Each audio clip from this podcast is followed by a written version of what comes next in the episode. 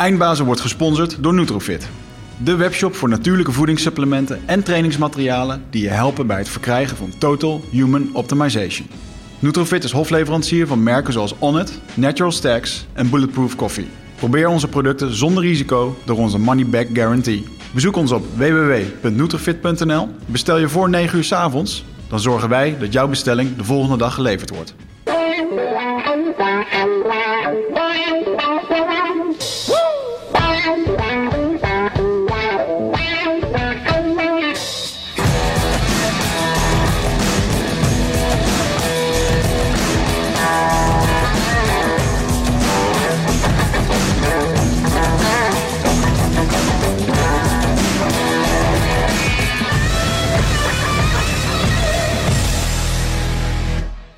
Welkom. Welkom, Bij de, dankjewel. bij de podcast Universiteit van Nederland. Ja, inderdaad ja. We gaan weer eh 2,5 uur of eh 2 uur college tegemoet. Twee uur hè, maximaal, want ik moet om kwart voor twee weg, heb ik gezegd. Dus Ja, dan- ja, ah, anderhalf ik- uur. dan- Ik Jij zei het en ik dacht het. Dus Ja. ja, ja nee, helemaal Laten we afspreken dat jij de tijd in de gaten houdt. Ja, is goed. Daar zijn we echt super slecht in. Maar inderdaad, het wordt weer tijd voor, eh, voor college. We hebben weer een, een bijzonder knappe kop eh, vandaag eh, in de studio zitten. Ehm, deze keer niemand minder als Bas Haring. Bas, welkom. Jo, goedemiddag. Leuk dat je er Hoi. bent. Ja, vind ik ook. Ja, ehm, normaal gesproken hebben we een hele introductie, maar ik wil eigenlijk direct even beginnen waar we er net van zeiden. Dit is volgens mij ontzettend kikke podcastmateriaal. We hadden het even voor de podcast over vechtsporten. Ja. En toen vertelde jij kort even over je ervaring met vechtsporten. En toen kwamen we erachter dat we daar mogelijk een interessant gesprek over konden hebben. Nou, dat weet ik niet. Dat het kan zijn dat jullie dat interessant vinden. Ehm, ik, ik heb op zich echt niks met, niks Nee. met vechtsporten. En ik heb één keertje voor een tv-opname jaren geleden... eh, dacht dat het een goed idee was om die opnames te maken tijdens een, een kickbox-gala. dus daar was ik ook met de hele cameraploeg. Bleek dat het een onwijs een pokkenherrie was. Met allemaal, dus, dus we konden helemaal geen opnames daar maken. Maar we probeerden het toch. Speelden ze die fluiten de hele tijd er doorheen? Was Nee, het was gewoon harde muziek. Oh, weet je wel. En het idee was dat ik allemaal presentaties op camera zou doen. En, eh, Weet ja, je nog ging welke gala niet. dat je was of niet? Nee, het was gewoon zo'n kickboxgala ergens in Brabant. En eh, god, het zal er van stikken van die dingen, denk ik. Ik, ik heb kickbox gala's georganiseerd in Brabant. Dus Ja? nou, free fight gala's. Maar het zal niet een... eh, ik denk niet dat het is wat jij... eh, Nee, want het, het, was, het was kickboksen. Het was louter kickboksen. En het begon met jonge kinderen. Weet je, zo'n dag heeft een hele opbouw. En het begint dan met de jonkies die dan met- beginnen te vechten. En eh we keken het een beetje aan van, van, nou, zullen we hier toch wel of niet opnames maken? Twee jonge knulletjes van een jaar of twaalf of zo komen zo'n ring in, beginnen te mappen. Ik begin met de kamer op kop meteen te huilen. Ik trek dat voorkomen helemaal niet. Als mensen. ehm, wat ook iets over mij zegt. Hè? Ik ben blijkbaar heel slecht gewend om om te gaan met, met fysiek geweld. Ehm, het grappige was, ik sprak die jongetjes later. Ik zei van jongens, wat, dit is voor iets vreselijks? En toen keken ze elkaar, mij niet begrijpend aan. Van jongens, dit is onze sport. We vinden het helemaal niet erg om, eh, om wat mappen te krijgen. Dat, eh, maar ik vind dat dus vreselijk. Ja, ik ben het met je eens dat eh, eh, kinderen die wedstrijden doen is een, on- een omstreden iets. Ik heb er zelf Mhm. altijd voor gekozen om dat niet op mijn gala's te laten gebeuren. Omdat ik van mening ben dat het eh, iedere keer als je een klap op je hoofd krijgt, ook al ben je 12 of 14 jaar, juist dan, dan is het gewoon een mini-auto-ongeluk. Ja. Ondanks dat die kleine misschien niet zoveel stootkracht heeft. Maar joh, je hebt gewoon nog helemaal niet, je nekspieren zijn nog helemaal niet ontwikkeld. En Nee. ik ben er niet. eh, en ik vind ook vaak dat ehm, als kinderen in die ring staan. En Wat mij vaak opviel en wat mij irriteerde. ehm, en dat komt ook een beetje als mijn achtergrond. Dat toen ik eh, op SEALS zat, moest ik zwemleraar zijn en judo-leraar. Dat ouders zich begonnen te bemoeien. En dat kinderen daardoor heel erg eh, getriggerd worden om andere dingen te gaan doen. Dus wat ik vaak zag in die ring, was dat kinderen aan het kickboksen waren. En dat de ouders daar Ja. langs aan het schreeuwen waren. En dat het helemaal niks met mijn sport te maken. Nee, dat is natuurlijk En, algemeen. eh, Dat is met alle sporten zo. Ja. met voetbal en zo. Dat die ouders zich, dat, zich daarmee gaan bemoeien. Ja, maar omdat met vechten zitten er nog wel fysieke consequenties aan. En er zijn allerlei tussenvormen. Kijk, wat ik er zo moeilijk aan vind met kickboksen soms... en ik ben ook op die galas geweest, ik heb het ook gezien... het is best wel full contact. En Ja. eh, ze zwaaien er wel echt voor. En eh, ik vraag me af of je niet beter kunt beginnen met judo... of iets waarbij je het hoofd in ieder geval een beetje vermijdt... of wat dan ook. En als je dan 18 bent geweest... of eh, iets ouder, dat je dan besluit... ik ga echt Oh wedstrijden... ja, is dat, ja, dat kan Nee, nee, nee, Ja. dat zou het ideale Maar plaats als je zijn. heel competitief bent, kan ik me wel voorstellen. Hè? Stel je voor, je ouders zitten altijd op een vechtsport. Die zijn natuurlijk al boven de 18. Mm. En je bent jong en je, wil, je bent competitief. Dan wil je natuurlijk gewoon groeien in zo'n sport. Ja. En dan wil je al op je, op je tiende beginnen met meppen. Ik kan me daar van alles bij voorstellen. Maar nogmaals, ik hoop niet dat mijn zoontje dat gaat willen. Nee, dat snap ik. Dat is misschien wel interessant, hè? ook een klein, een klein bruggetje naar wat je, wat je doet.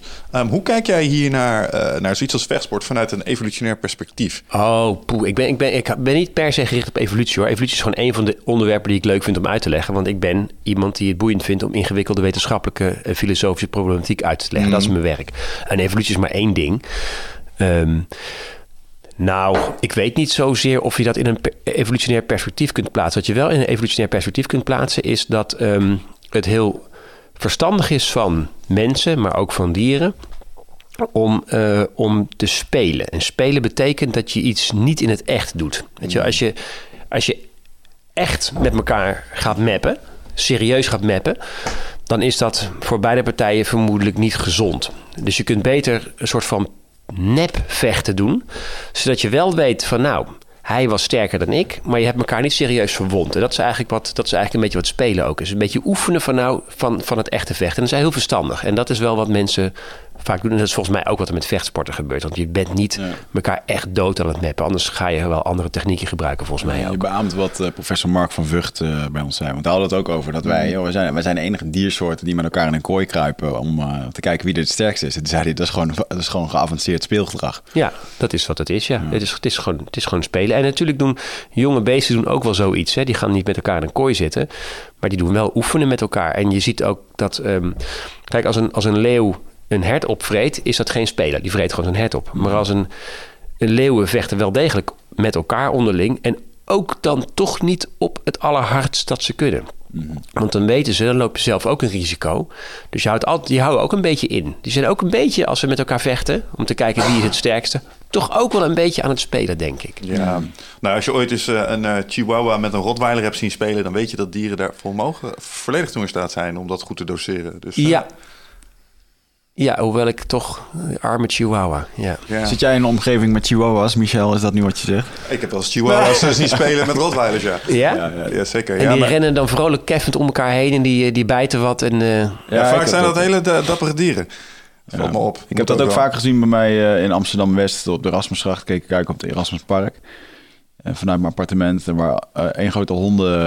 eh, ehm, er was één grote hondenfestijn met spelende beesten. En, dat, eh, en baasjes vonden het allemaal leuk. Hondjes los, kijken naar elkaar, praten over elkaars hondje. Mm. Niks voor jou? Nee, ik ben geen hondenmens. I'm a, I'm a cat lover. oh, oké. Ja? Ik heb varkentjes. Varkentjes. Heb jij een varkentje? Twee. Twee Ah, varkentjes. Hoe heet? Eh, Peer en Lisa. Zo, zo heten ze. En heb je zo'n varkentje wat klein blijft? Of heb je een Nou, het is een, ja, het is een tussenmaat. Weet je. je hebt varkentjes die echt klein blijven. Mensen weten vaak niet, helemaal niet hoe groot varkens kunnen worden. Mhm. Maar eh, dat komt doordat varkens bijna altijd geslacht worden na een jaar of zoiets. Mhm. Eh, dus je, je ziet nooit varkens in hun volle omvang. Maar een varken kan zo groot worden, ja, ik wil niet zeggen als een neushoorn, maar eh, Ja. die kunnen 300 kilo worden, varkens. 300 kilo, dat is gigantisch. Dat zijn echt, varkens kunnen, dat zijn reusachtige beesten. Ja, dat is echt huge. Ja, maar ja, ze worden daarvoor dus geslacht. En ik heb varkentjes die 80 kilo blijven, ongeveer. Dus dat zijn nog steeds forse beesten. Als ik, eh, zijn ze ongeveer zo lang, nou 80 kilo, dus dat is zwaarder dan ik. Dat is groot. Nou, dat is voor varkentjes klein. Ze heten, ze heten kleine varkentjes te zijn. Zijn het sociale dieren? Varkentjes zijn wel sociale dieren, je ja. het vergelijken als een hond qua gedrag? Nee, want eh, nee, een hond is natuurlijk heel erg afhankelijk. Honden leven ook in groepen. Varkens leven ook wel in groepen, maar zijn toch wel wat, ja, wat, wat, eenken, oh ja, wat meer op zichzelf gericht. Ja. Ehm, en dat vind ik juist wel heel lekker, want een hond moet je de hele tijd aandacht geven. En dat varken, die varkentjes niet.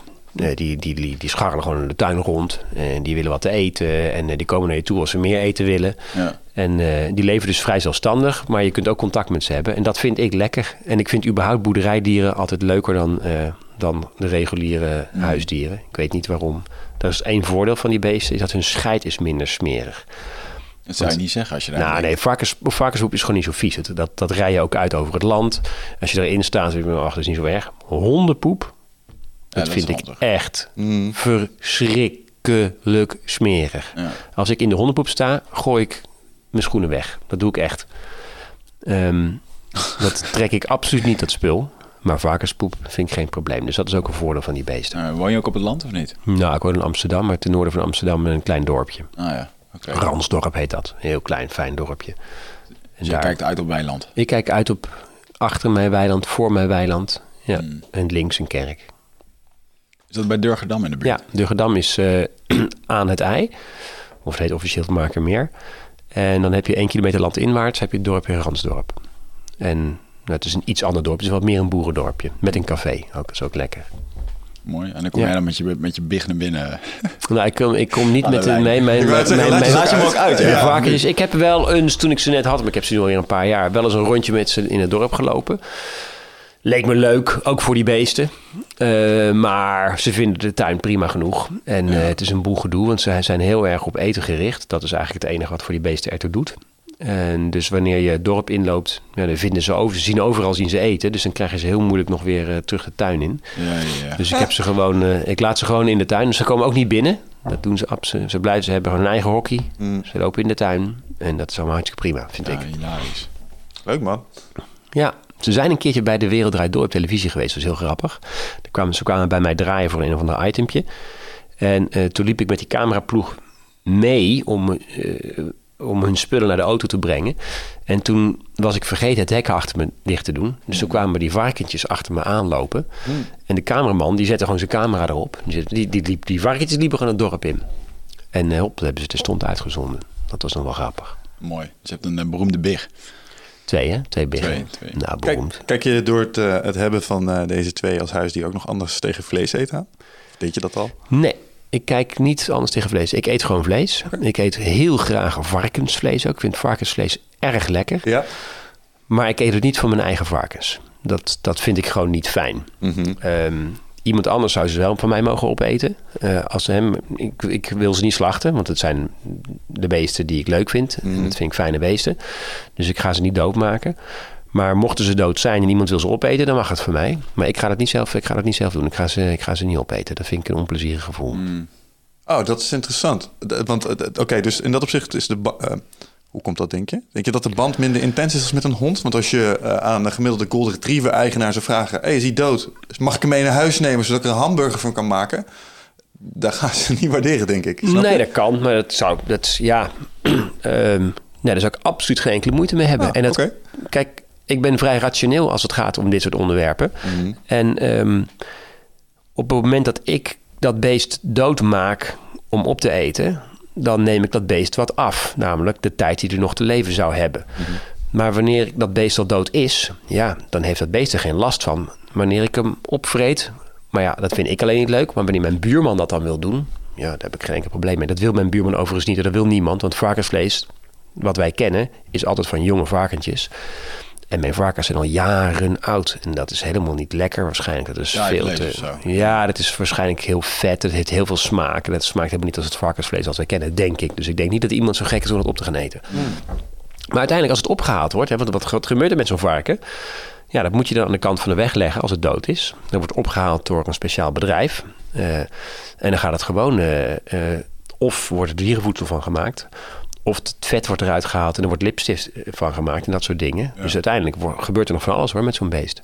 Ja, dat gaat op tot op het... eh, Ja. Zoals van de, van de botten maken ze lijm. Ja, Ook van, het, van die snoepjes, van die gummy dingen. Eh hoe heet het nou? Van die gummy... gummy winegums. Winegums. Ja, daar zit gelatine in. Dat komt inderdaad van, van Ja. beestenbot of koeienbot. Of, eh, Ja, daar heb je het laatst ook over gehad. Hè? Over eh, gelatine en hoe ongelooflijk gezond dat eh, voor je is. Gezond. Met Daan de Wit. Ja, die maakte van zijn... Collageen. Die Collageen, ja. Die maakte van zijn Ja. kippenbotten maakte die allerlei extracten. En dat eh, consumeerde die. En eh, daar kon je ook een soort vet van maken. Dat kon je allemaal recyclen. Zegt, eh, de boel bo- botten worden weggegooid. Terwijl je nog een heleboel dingen Ja. uit kan halen die heel gezond zijn voor mensen. geloof het direct. Ik Ja. voel die behoefte niet zo. Maar ik zou liever in de, kip, de kippen... Nou, die kippenbotten geef ik aan de varkens. Die, die vreten echt alles. Ja. En ehm, je kunt gewoon zo'n kippenskelet aan zo'n beest... eh, ik trek er altijd wel eerst bouillon van. Mhm. Als ik eh, kip eh, maak. Maar dan geef je zo'n skelet aan, aan zo'n varken. En dat vreet hij in één hap op. En het is helemaal weg. Bizar, hè? Ja, dat me denken aan die films. Volgens mij is dat eh, Snatch, waar die gast iedere keer zegt: geef Ja. hem aan de varkens. Ja. Ja. Of is dat Seven, die film? Ik weet niet. Nee, het is een film. Ja, het is, het is een, waar ze in ieder geval lijken op die Ja, manier ja, ja. kwijtraken. Ja, dat is ja. een bekend eh, fenomeen, ja. Er is één ding wat, wat, wat varkens niet kunnen opeten. Hè? En dat zijn de tanden. Nou ja. Dus als je een lijk hebt, dan haal je je tanden haal je altijd over. Dus die moet je dan gewoon... eh, Want de tanden, Malen of zo. ja, daar moet je nog wat mee doen. er- ja, ik heb er vaak over na zitten denken. Over hoe je dan, hoe zei, vroeger had je van die programma's van de Perfect Crime en zo. En van mensen die ermee weg waren gekomen en zo. Ja. Ja, Die eh, Amerikaanse voetbalspeler die daar een boek over heeft geschreven. Wat dan? Amerikaanse voetbalspeler. Dus ik, ik eh, ben even zijn naam kwijt, maar die is toen in opspraak gekomen. Een voetbalspeler of een voetbal, American football. American speler. voetbal? Dus die O.J. Simpson. O.J. Simpson. En die heeft eh, toen achteraf een boek geschreven, Had I Done It. Zo van, eh, zou ik wel schuldig zijn geweest? Dan Hè? had ik het zo gedaan. Ja, volgens mij heeft hij daar een boek over geschreven. En O.J. Simpson is net vrij, een, een week of twee. Staat iets van bij. Of er is iets met hem aan de hand in ieder geval. ja, volgens mij is het weer een opspraak of nieuw, nieuw bewijs of iets dergelijks. Maar ik weet dat hij de arrogantie heeft gehad volgens mij om daarna een boek uit te brengen van... eh, was het echt geweest en had ik het gedaan, was het waarschijnlijk zo gegaan. Oké, heeft een heel andere vraag. Die water staat daar. Dat is natuurlijk omdat je niet in, niet in beeld wil. Maar, maar ik mag wel dat water drinken, toch? Ja. En hij mag ook in beeld. Zetten we de camera even uit. Ja. Nee, je mag gewoon lekker doen wat je wil, maar ik wil dat net even voor eh, de focus. En, eh, ja. Ja, ik heb er wel eens over na zitten denken, over eh, hoe zou je de perfect crime eh, committen. Ik vind trouwens eh, criminaliteit ook een onwijs interessant onderwerp, waar ik nog eens aan zit te denken van dat lijkt me heel erg gaaf om daar wat verder in te studeren en achter de gedachten te komen van criminaliteit. Maar bedoel je dan eh, ehm, de criminaliteit zoals we die kennen van bankovervallen en dat soort dingen? Of bedoel je ook bedoel je witte criminaliteit? Dat laatste is natuurlijk wat makkelijker voor. Eh, ik denk dat ik toen de tijd was ik meer geïnteresseerd in het eh, heftige werk. Dus inderdaad wat eh, beweegt hè, mensen voor die bank overvallen en zo. Maar ik denk dat vandaag de dag witte bordencriminaliteit is misschien wel veel interessanter om in te duiken. Mm. En de boeken die je daarover leest over de banken en ik heb zelfs een keertje gelezen dat de witte boorden criminelen die hebben het grootste aanzien in de, in de gevangenis, hè, want dat zijn de oh, ja? En, de, Ja. ja. en natuurlijk heb je ook de, de gekken, de, de gewelddadige dingen. Maar toch zijn dat vaak de jongens die toch nog in een soort van in dienst zijn met de, ja, de, de witte boordencriminelen. Dus dat is een hele verhouding in. En dan heb je de verkrachters en zo. En dat, dat is het soort van het uitschot Hmm. van de criminelen. Mm.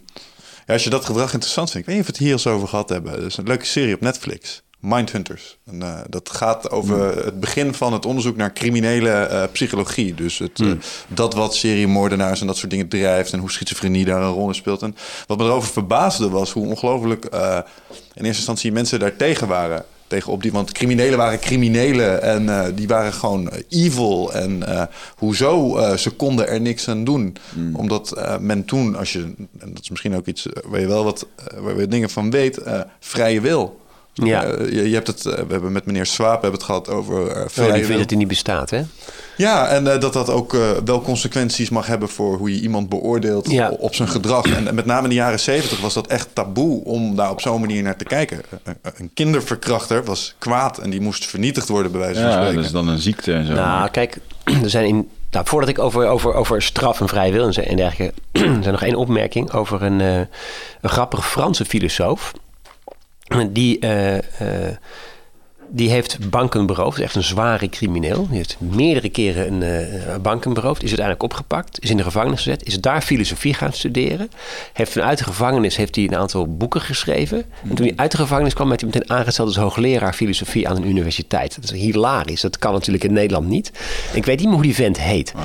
Uh, ik heb pas zijn cv gelezen. Dus ik was echt ervan onder de indruk van hoe, hoe, hoe durf je als universiteit zo'n vent een bank overvallen, echt een serieuze bank overvallen, gewoon aan, aan te stellen als hoogleraar. Maar ik vond het wel heel tof dat die Franse universiteit dat deed. Dat, dat durft de Nederlandse universiteit niet. Nee, hoe lang geleden was dit? Ja, nu die leeft nog. Echt wat? Dat ja, is, dat is gewoon nu, ja, die, die kerel is zo'n actieve Ik heb uh, Willem. Holleder een keertje voor een paar studenten gezien op een, uh, voor een vragenvuurtje. En die werd daar gewoon... Uh, iedereen ging daar even zijn zegje doen over hoe slecht dat deze man was. Mm, en hij zat ja. daar gewoon een soort van te ontvangen van ja... ja, de vraag is wat voor consequentie hieraan verbindt. Want stel je voor dat je zegt van nou oké, okay, iemand heeft een slechte jeugd gehad. Iemand heeft misschien wat minder vrijheid dan je, dan je in eerste instantie zou denken. Of iemand was helemaal niet de baas van zijn eigen gedachten. Oké, okay, dat is allemaal prima legitiem. Mm. Alleen dan moet dan de consequentie daarvan moet, moet wat mij betreft niet zijn dat iemand dan niet in de gevangenis gaat. Want je wil uiteindelijk met zo'n gevangenisstraf een aantal dingen uh, bewerkstelligen. Eén wil je misschien voorkomen dat iemand uh, het nog een keertje doet. Nou, of dat dan werkt, weet ik niet. Maar twee wil je ook voorkomen dat zo iemand in de samenleving gewoon is. Mm-hmm. Um, en daar dient de gevangenis ook voor. Ja. Dus je kan er wat mij betreft zeggen van nou oké, okay, sorry, je kunt er niks aan doen. Het was niet je eigen vrije wil. Het was allemaal, het was allemaal, ander, het was allemaal prima verklaarbaar mm. dat jij dit vreselijke gedrag hebt vertoond. Maar we stoppen je wel in een hockey Om te voorkomen dat je nog een keer zo'n geintje uit gaat halen. Dat is dan volkomen logisch, vind ik. Ja, ik vond dat Dick Swaap ook wel goed over vertellen. Van, eh, vroeger had je gewoon een aap die een dreun om je oor gaf. En nu is het eh, straf zorgt gewoon voor dat wij als sociale wezens zorgen dat we iets de volgende keer niet meer doen. Dus straf heeft wel degelijk zin. Nou ja, dat is, dat is, dat is, ja, er zijn een aantal, er zijn drie redenen om te straffen. Eén is dat je ervoor zorgt dat iemand het niet nog een keertje doet. Weet je, dat, dat, en dat, dat werkt soms, maar dat werkt ook niet altijd.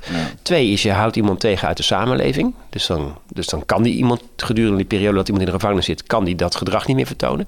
En drie, het is ook ehm, voor de wraakgevoelens om daar gevolg aan te geven van de mensen die, eh, die leed aangedaan is. Hè, als, als een familielid van jou een eh, map heeft gekregen, dan voel jij een zekere wrok jegens degene die dat heeft gedaan. En dan wil je dat die, dat die persoon ja, lijdt. En dat is reden drie om iemand, in de, om iemand straf te geven. Of straffen echt werkt, eh, in die zin dat mensen hun gedrag gaan veranderen, eh, dat, dat, dat weet ik niet hoor. Dat, dat, Ja. dat valt wel vies tegen volgens mij. Kijk naar de, de, de, de echte criminelen uit Nederland. Bijvoorbeeld een eh, Willem Holleder. Dat houdt toch gewoon niet op? Nee, zeg maar? dat helpt niet. Dat helpt niet om zo'n vent in de gevangenis te stoppen. Dan gaat hij niet in één keer tot één keer komen en denken van... weet je wat, laat ik het volgende keer maar doen, anders zit ik weer in de gevangenis. Nee, dat... Ja, wat is, wat is de oplossing voor dat soort eh, karakters, denk je? Nou, Of ik denk het- dat de oplossing die nu bestaat, eh, die is tweeledig. En je stopt mensen in de gevangenis, dat is een, dat is een deel van de oplossing. Hè, dan kan je in ieder geval gedurende een periode dat iemand in de gevangenis zit... geen ellendige dingen meer uithalen. En oplossing twee is dat wij gewoon accepteren en eraan wennen... dat een deel van de samenleving zo in elkaar zit. Ja. Dan moet je ook aan wennen natuurlijk. Er zijn gewoon mensen die, ja, die zich wat asocialer gedragen... en die soms vreselijke dingen uithalen. Dat hoort erbij. Ik vind het wel heel bizar, want ik kan wel... ehm, zoals ik heb bijvoorbeeld dan eh, zo'n Lee heb ik gewoon van dichtbij meegemaakt. Ik heb gewoon, ook gewoon lol mee gehad. En hij heeft me helemaal niet betrokken in dit soort rare dingen, weet je wel. Ehm, dus ergens kwam dat, dat ook dan als een verrassing in de zin van... Fuck man, die gast gewoon... We hebben gewoon lol gehad, gewoon een vriendelijke gast. En dan doet hij dit. Ja. En dat, dat moet ook ergens bij een Holleder ergens in zitten, weet je wel. Of een, of een ander voorbeeld. Badder. Eh, Ook boek over geschreven. Zeggen mensen ook van. Weet je wel, mensen die, die hem erbij staan. Is de meest loyale trouwe gast, weet je wel. Maar soms doet hij... Ja, het zit iets in zijn hoofd waardoor hij heel onvoorspelbaar is. Ja. Ja, ik ben wel van tweede kansen. Ik denk dat iedereen een... eh, als je er zo naar kan kijken... want het feit dat ik naar de brugste eh, bankovervallen van Engeland zo kan kijken... en dat komt dan omdat ik gewoon een persoonlijke bias heb van... hé, hey, eh, Mhm. ik ken hem. Eh, ja, eh, iedereen moet wel een tweede kans verdienen ergens. Maar het is zo fucking complex om... eh, Ja, iemand moet wel een tweede kans verdienen. Dat, ik denk dat je daar helemaal gelijk in hebt.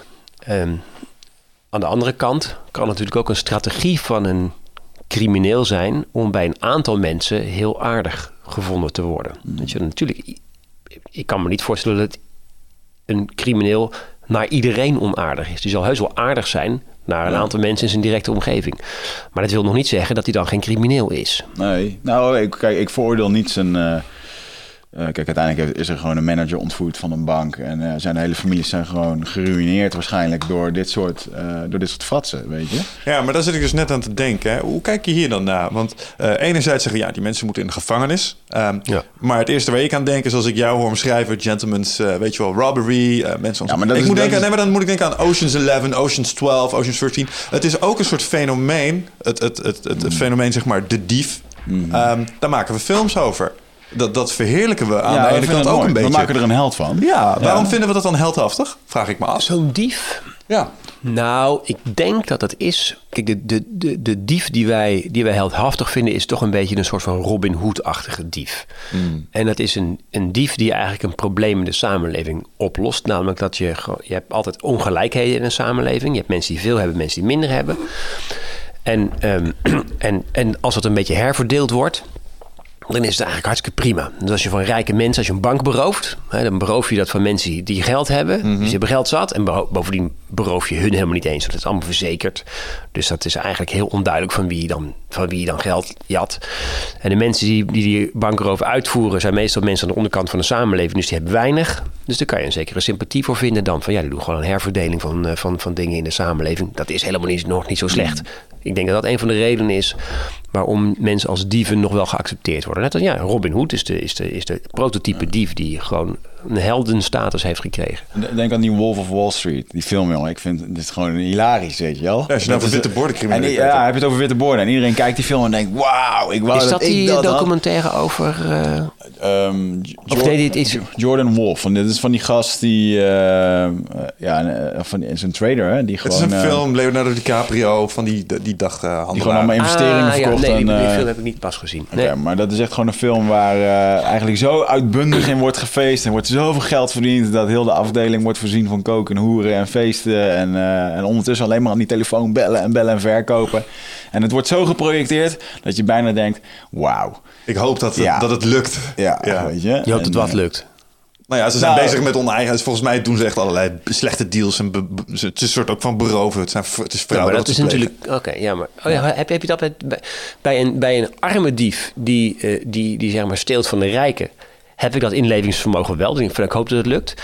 Bij een witte bordencrimineel die geintjes uithaalt... heb ik het gevoel helemaal niet. Daar hoop ik juist van... Ik hoop dat die, ik hoop dat die onwijs bankroet gaat... en dat hij eh, zich onwijs, dat hij een onwijs fout maakt. Nou, het is super dubbel. Want als ik dus naar die film kijk, dan denk ik, eh, wauw, dat is cool. Maar ik ken ook iemand die eh, veroordeeld is voor, voor oplichting, 30 miljoen, die die weg heeft gesluist met allemaal ongure praktijken.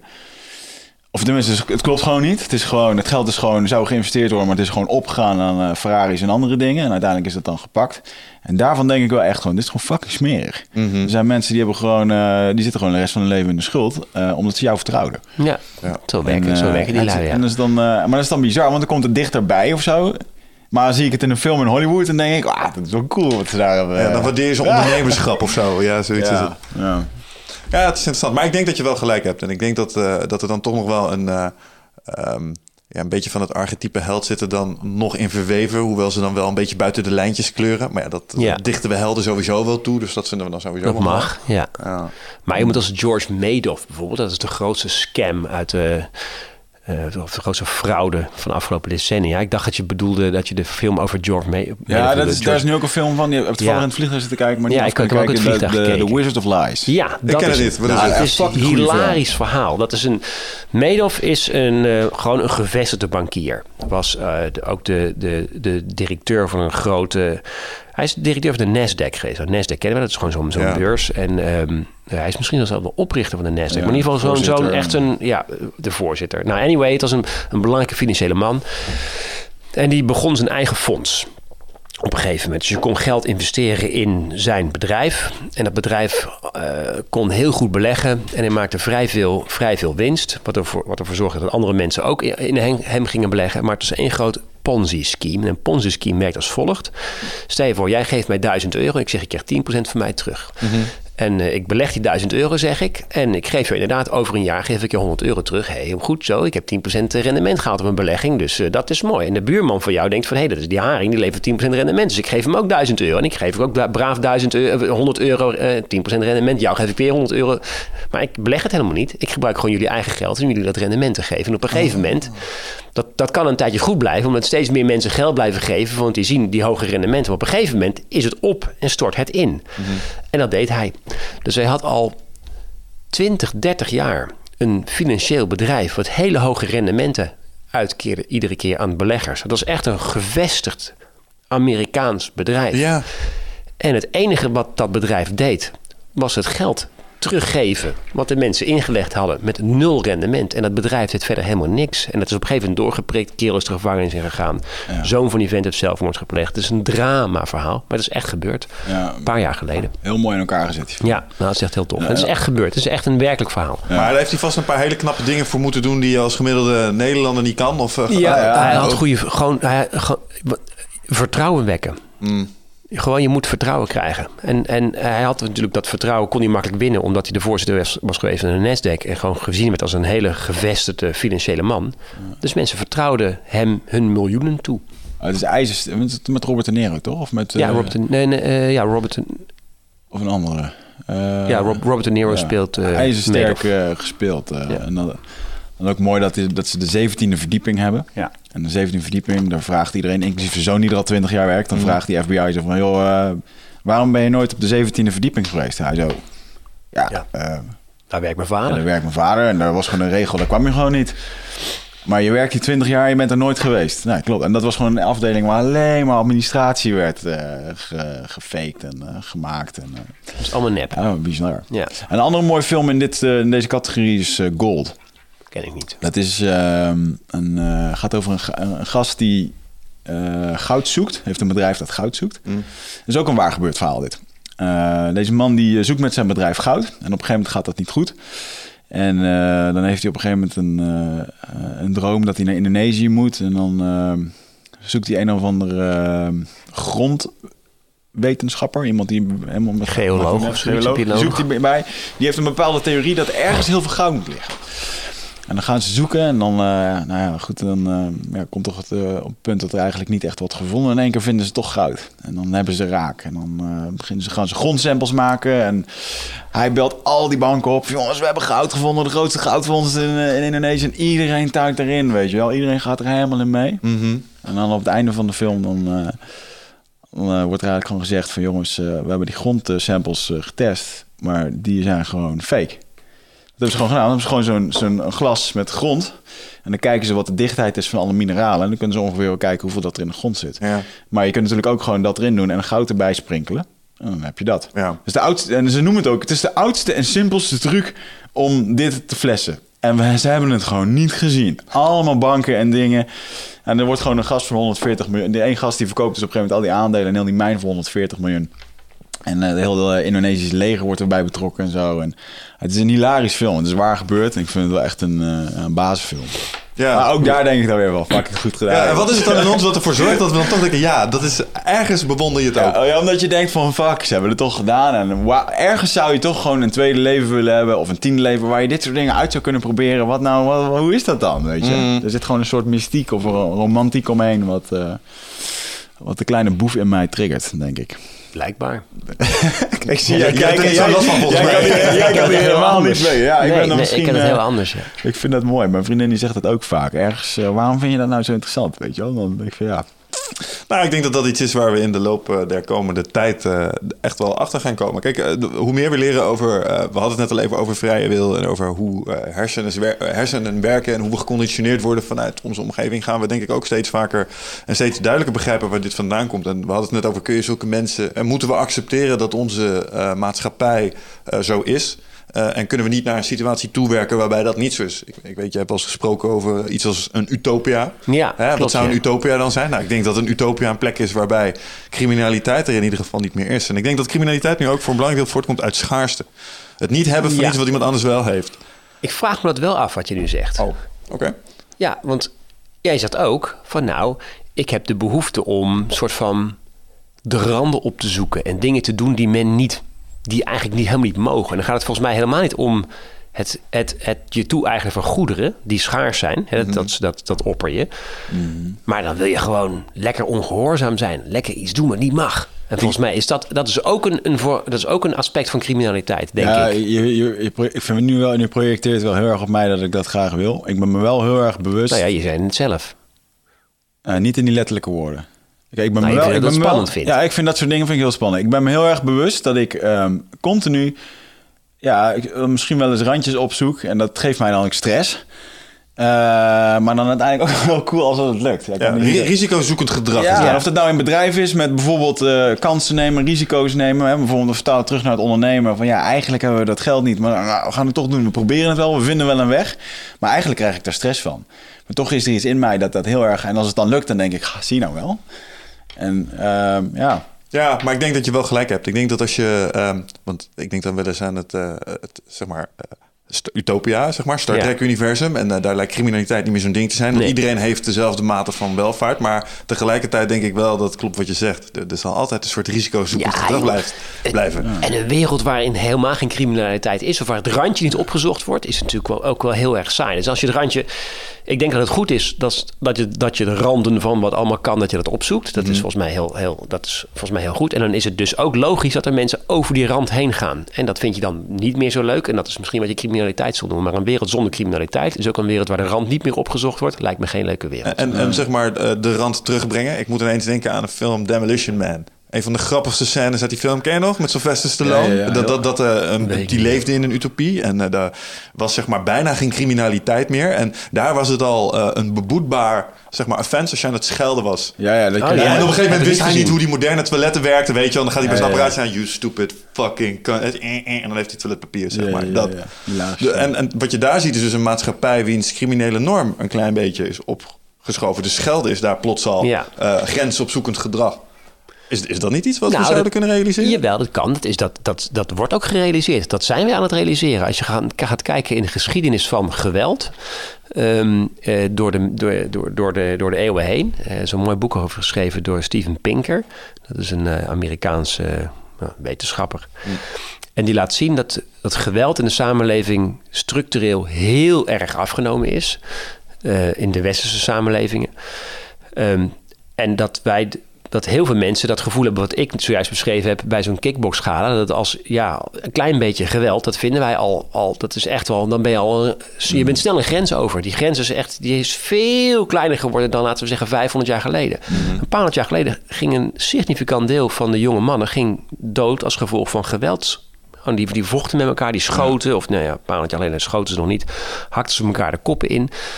En dat was blijkbaar normaal gedrag. Nou, dat wordt veel minder geaccepteerd. En dat is veel minder. Dus die grens is al heel veel kleiner geworden. Kijk, hij kan misschien nog wel veel kleiner. Misschien, misschien gaan we nog wel steeds minder tolereren. Dat is best denkbaar, denk ik. In het boek van Homo Deus wordt ook in beschreven dat je meer kans eh, hebt dat je zelfmoord pleegt dan dat je omkomt in een gewapend conflict. Ja. Ja. In Nederland hè, en in dat soort westerse Ja, ja, landen. Is trouwens in Honduras niet zo. In Honduras geloof ik dat 20% van de jaarlijkse aanwas aan, aan baby's, aan jo- jongetjes... 20% zal daar ooit van sterven eh, als gevolg van een geweldsdelict. Dat Dat is is, echt niet- ongelooflijk, 20%! Dat is echt veel. Dat is echt waanzinnig. Dat vind ik enge werelden daar, jongen. Dat, eh, die Congo, Honduras, dat ligt daar volgens mij in de buurt. Is Nee, Congo ligt in Afrika, Honduras ligt in Midden-Amerika. dat- Oké, maar het zijn de brandhaarden van deze Ja, dat zijn de on- onveilige Ik plekken. heb altijd een boek gelezen. ik las graag van die boeken van die eh, Special Air Service eh, agenten die uit Engeland om daarheen werden gestuurd. En waar mensen gewoon de keuze kregen of dat je een longsleeve of een shortsleeve wilde. Oftewel, ze hakten gewoon je arm eraf boven je of onder je elleboog. Mocht je zelf kiezen. Eh, kinderen die eh, hun eigen moeder moesten doodgieten en zo. Joh, dat, als, je, als ik ergens naar van kan worden, dan is dat het. Ja, ja, ik, Ja. ik heb ooit een keer een... eh, dat was nog ten tijde van Mixfight, man. Toen eh, heb ik een keer een film gezien, Tears from the Sun. Dat gaat eh, over een Ja. soort gelijk iets. Dan komen ze ook in de Afrika en dan, dan komen ze net in zo'n eh, zu- zuivering komen ze terecht. En eigenlijk moeten ze doorlopen.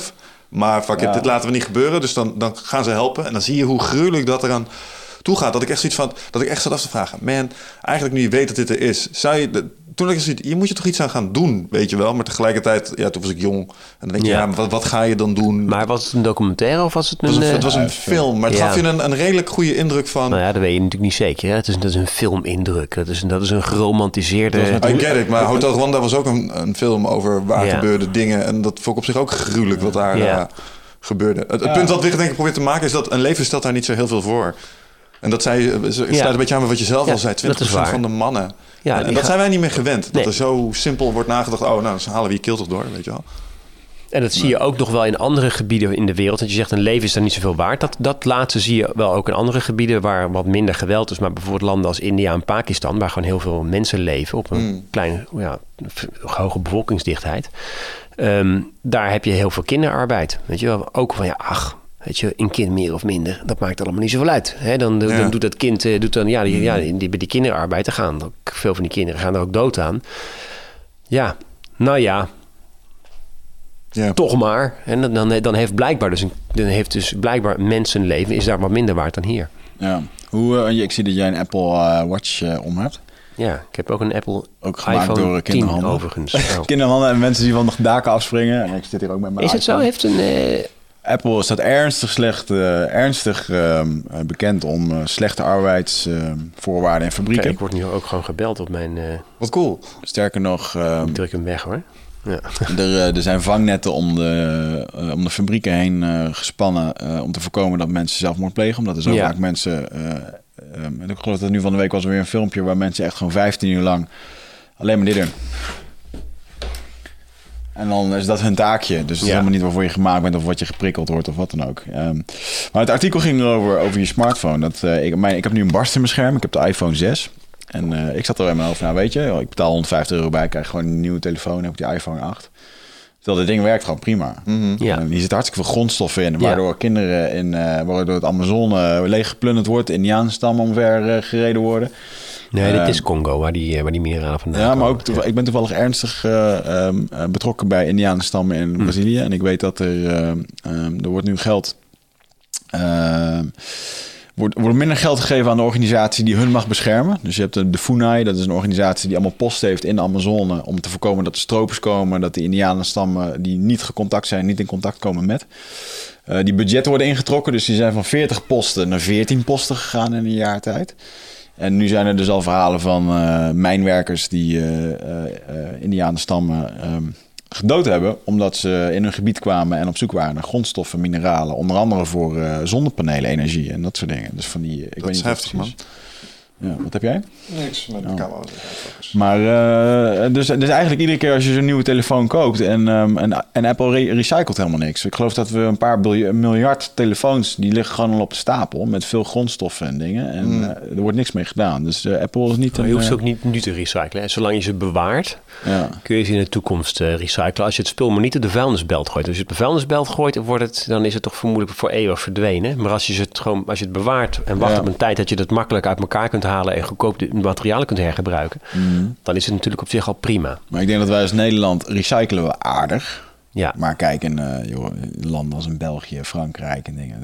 Amper, weet je wel? Of Spanje. Maar het is wel raar, want zo'n ding heeft gewoon waarde. Dus je kunt, bedoel, je, je kunt kiezen tussen 100 euro, 100 euro voor zo'n ding krijgen en hem inleveren ergens. Ja. Er zijn, bedrijven voor die doen Nou, dat. Ja, die doen dat Ja, toch? heeft het waarde? Want ik heb dus een paar telefoons die, uh, die heb ik gewoon in de kast liggen. Oude Nokia'tjes en zo. En joh, als ik ze morgen bij het vuilnis zou gooien, zou het me niet uitmaken, bij wijze van spreken. Nee, maar die kun je naar een bedrijf sturen. En dan krijg je, dan krijg je een paar tientjes voor terug. En die gaan die schermpjes recyclen en Ja. zo. Er zijn wel clubjes die dat doen. Maar dat is een paar Ja. tientjes, dus een materiaal. Ja. Meer is het natuurlijk ook niet, want het kost ook geen kont om zo'n ding in elkaar te zetten. Hè. De, de materiaalkosten van een iPhone zijn erg laag. De, win, de, de winst is erg hoog Ja. op die dingen. Het kost, Maar- het kost 200 euro om een iPhone te maken, geloof ik. Maar even terug naar het, uh, als we de sympathie hebben voor die medewerkers in China en zo. We dragen wel, je draagt een horloge, ik heb die telefoon. Hoe, heb je daar gevoelens bij? Wat denk je dan? Van, dat, zo is nou, het. ik vind het wel een soort van... Info, ik, je kunt natuurlijk altijd, altijd verschuilen achter... ik wist het niet. Hmm. Weet je wel, mijn, uh, mijn zusje koopt heel graag bij de Primark. En ehm, uh, dat vind ik heel stom, want de Primark is echt spotgoedkoop. Dat kan niet. Je kan op je, kan, op je klompen na... Dat kan niet. Je kan geen t-shirtjes van een euro gaan kopen. Dat, is, dat, dat bestaat niet. Er zit ergens een arm kindje in India dat in elkaar te, te, ja. te naaien. Dat begrijpt iedereen. Dus ik vind dat zij dat moet weten. En ze zegt, ze zegt dat het van, ja, dat wist ik helemaal niet. Nou, dat, dat kan je niet lang volhouden, vind ik. Um, ik moet zeggen dat ik niet precies weet hoe dat zit bij... Uh, dus ik verschuil me er wel een beetje achter. Uh, hoe dat zit met, met een bedrijf als Apple. Dat weet ik niet. Ik, heb, ik ruik een Volkswagen. Ik weet niet hoe Volkswagen precies georganiseerd is. Of dat allemaal netjes gebeurt. Voor, voor mijn gevoel wel. Weet je? Dat is het idee wat ik heb van een bedrijf Volkswagen. Volgens ja. mij is het een net bedrijf. En dat is ook wel een beetje wat ik, het idee wat ik heb van, van Apple. Volgens mij is het een net bedrijf. Maar het kan best zijn dat het helemaal niet klopt. Ja. En ik weet wel dat er verhalen zijn over hoe vreselijk de arbeidsomstandigheden zijn in die fabrieken waar die dingen in elkaar worden gezet. Um, maar of, het dan voor, of ze dat dan per se alleen maar voor Apple maken, of dat iedereen. Dat, dat, ik, ik weet er onvoldoende van om, uh, om meteen dat ding nu weg te gaan gooien, wat ik op mijn arm heb. Ja, het zijn echt spe specifieke Apple-fabrieken, omdat. Um als Apple iets lanceert, dan moet het niet in een fabriek liggen waar allerlei andere merken ook liggen. Dat willen ze allemaal gewoon exclusief houden. Zit jij uh, vaak in je hoofd? Uh, neem je heel veel informatie tot je video's, podcasts, boeken? Uh, nou, voel je niet schuldig, dat doen heel veel mensen natuurlijk. Hè, maar vaak zijn we op zoek naar antwoorden. Um, gaan we nog meer informatie tot ons nemen. Terwijl ja, de antwoorden liggen toch echt in onszelf. En dat is iets wat we voelen met ons lichaam. Maar vaak zijn we zo erg in ons hoofd bezig ja, dat we dat ook niet meer, dat we daar niet meer echt goed bij kunnen. En dat is graag waar ik je voor uit wil nodigen. Voor Rite of Passage. 24, 25 en 26 mei is er weer een nieuwe editie. Voor mijn retreat voor persoonlijke ontwikkeling. Waarbij het thema echt is om uit het hoofd te komen in dat lichaam. Want dat is waar je alles ervaart. En ik wil dat je gewoon weer in contact komt met, met die, die intuïtie. Um, en dan gewoon een heel sterk uh, innerlijk kompas. Dat je gewoon weer weet waar je naartoe moet. Wat je te doen staat. En dat je gewoon weer helderheid hebt over wat je wilt en hoe dat je dat gaat doen. En dat doen we middels uh, bio-energetische oefeningen, dynamische meditaties, een stuk shamanisme zit erin. Het enige wat er bekend is van het programma is dat er een zweethut in zit. Eh, en natuurlijk gewoon hands-on persoonlijk leiderschap. Uh, dit retreat krijgt een 9,2 gemiddelde van meer dan 331 deelnemers. Daar ben ik ontzettend trots op. Sterker nog, er is ook een money back guarantee. Vind je niks na drie dagen, krijg je gewoon je geld terug. Dus het enige risico dat je loopt, is dat je gelukkiger wordt. Klinkt dit als iets voor jou en durf je het aan? Dan zie ik je op Ride of Passage. Ga naar wichertmeerman.nl en klik op Retreat. Ja. Dus het is echt Maar een- Apple Maar heeft heel eerlijk, ook al, ook al zouden we het eh, weten. Als, ik denk dat ik 100% zeker weet dat er slavernij betrokken is geweest bij mijn telefoon. Ik Absoluut. gebruik hem nog steeds. Ja. Ik slaap er niet minder om. Waarom niet? ik ben niet gebouwd om me kunnen in te leven hoe dat werkt. Het is allemaal Ja. te ver van mijn Het is huis te af. ver van je bed. Ja. Het is eh, en dat, te dat, dat, abstract. dat pleit me niet vrij, want we kunnen het wel waarnemen en we kunnen na- nadenken over hoe we het beter kunnen doen. Zou ik namelijk een telefoon, als hij er zou zijn, waarvan ik zou weten dat hij 100% karma-vrij was. En hij zou dezelfde bestaat, functionaliteit bieden. ja, die bestaat. Ja, maar hij moet, hij moet functioneel gelijkwaardig zijn, want dat is vaak het ding, Ja, weet je. Met die maar de dingen. Fairphone, dat is een Nederlands... eh ken je de Fairphone? Dat is een Nederlands eh, initiatief. Is nu alweer een tijdje oud hoor. Mooi ding, goede telefoon. Eh, ehm, en die is, dat dat ding heet echt Fairphone, omdat dat is 100% gegarandeerd eerlijk. En ook heel goed recyclebaar. Batterij is er los uit te halen. Een soort Je kunt hem upgraden. Wat? Ja, je je kunt hem zelf in elkaar Hij is klikken. modulair. ja, je kunt alle onderdelen kun je, je kunt als er een nieuwe chip uitkomt, kun je die met wat, met wat moeite volgens mij, kun je die ook upgraden. Dus je kunt alle elementen upgraden. Ja, het is een heel gaaf ding. Maar de, eh, het is gemaakt door het Amsterdams Kunstenaarscollectief. Een heel groot commercieel succes geworden. Dit is volgens mij een van de initiatieven van De Waag. Volgens mij is De Waag een van de clubs die daar eh, uit te aan de grond eh, Ja, slaat. ja, ik heb ze opgeschreven. Dus, eh, Is heel tof hoor. maar niks. Je weet wat je moet doen. Nee, is heel, het, eh, dat is heel tof, Fairphone. En, ehm, ehm, maar hij is nu alweer een paar jaar oud. Dus ik denk... Ik, oh ja, dat wilde ik nog zeggen. Ze zijn, eh, eh, eh, hebben een beperkte oplage. Dus ze hebben er maximaal Oh. 25.000 van gemaakt. Dat was het. En toen vonden ze het wel mooi. En toen gingen ze een, een ander project doen. Ah. Dus het is niet een, eh, een ongoing thing. Ze Ja, hadden, ik heb toevallig twee weken geleden nog op een website gekeken, omdat ik eh, dat artikel las over die telefoon. En dacht, hmm. maar Zoiets zou het wel kunnen zijn. Als, als er zoiets zou, zou, zou zijn. Ja, Ja, dan nu zou- dan- ik dacht namelijk, oh, maar dat gaan we dan eens een keer bekijken. Maar Ja. ik hoor net, zijn er maar 25.000 volgens mij zijn er 25, is dat, was, dat, was dat het nummer. En eh, toen was het weer klaar met het project, volgens mij. Nou, zoals ik het eh, zag, zijn ze nog steeds wel. In, Ja? in- Zijn ze nog steeds? ja. Oké. Interessant. Maar weet je, ehm, eh, misschien is... ehm, eh, ik ben eens, hè, het, het, is, eh, het is niet eerlijk eh, dat, dat die verdeling er is. Maar ik denk ook wel eens, eh, misschien vind je daar vanuit je specialisme ook wel iets van... dat ik denk altijd, het is tijdelijk nog. Dat is tijdelijk. De- deze ehm, onbalans in welvaart en het feit dat er nu nog eh, handenarbeid bij betrokken is, heeft ook voor een belangrijk deel te maken dat daar menselijk kapitaal nog wordt ingezet. Ja. Maar als je kijkt naar wat, wat de trend is met menselijk kapitaal, is dat altijd machines, robots, eh, dat soort processen gaan overnemen. Dus misschien moet er eerst voldoende welvaart worden gegenereerd met iPhones hier in het Westen, zodat dat uiteindelijk weer ook die kant op gaat. En dan, eh, je ziet bijvoorbeeld landen als China, zijn economische powerhouses en die zijn ook Ja. aan het kijken naar hoe ze AI en robotica slimmer kunnen inzetten. Dus misschien gaat dat uiteindelijk dat wel oplossen. Of ben ik dan te optimistisch? Nou, dan, dan ben je één wel erg optimistisch. Want dan. Kijk, wat, wat, wat, wat, ook blijft, is dat mensen hun eigen, hun eigen stukje blijven beschermen. Weet je, op het moment dat je. ehm, dat de wereld één grote markt is en dat, het echt, dat je echt echte globalisering krijgt, echte globalisering. Dat betekent dat al die Chinezen of alle mensen die, eh, of alle, iedereen die in een Apple-fabriek werkt of in zo'n zo'n fabriek werkt waar Apple-producten worden gemaakt, die dan vindt dat hij te weinig verdient, die kunnen allemaal allemaal naar Nederland verhuizen. Gaan de salarissen hier drastisch naar beneden. Ja, en dan kunnen die mensen in China wat meer gaan verdienen. Maar op het moment dat je de Nederlandse grens sluit voor mensen uit lage lonenlanden, dan heb, is het voor hun wel moeilijker om hun eigen salaris op te krikken. Ehm, en dat blijft natuurlijk, wij blijven gewoon onze grenzen sluiten. We hebben wel een Europese grens, maar je mag niet zomaar als, eh, als Chinees in Europa komen werken. Dat mag niet. Eh, dat vinden wij niet goed. En dus ik, ik, weet, ik ben niet zo optimistisch over het gelijk trekken eh, van de verschillen eh, op de wereld. En daarbij heb je ook nog eens een keer Afrika. Afrika is een groot continent, veel mensen. Nou, die zijn structureel best wel eh, ellendig af. Ik zie dat niet zo 1, 2, 3 eh, eh, de, de goede kant op gaan. Nee, nou, maar misschien dat mijn... ik, ik, heb, ik heb economie geleerd en mijn leren is dan altijd... joh, eh, weet je wel, technologie zorgt voor meer industrie... zorgt voor uitgaven, zorgt voor banen, weet je wel. En Ja. in gebieden zoals China en Afrika... kijk, je ziet bij ons natuurlijk dat de infrastructuur nu banen opeet... maar daar zal nog een infrastructuur moeten worden aangelegd... Ja. alvorens er weer zeg maar, cannibalisatie kan plaatsvinden van, eh, van werkgelegenheid.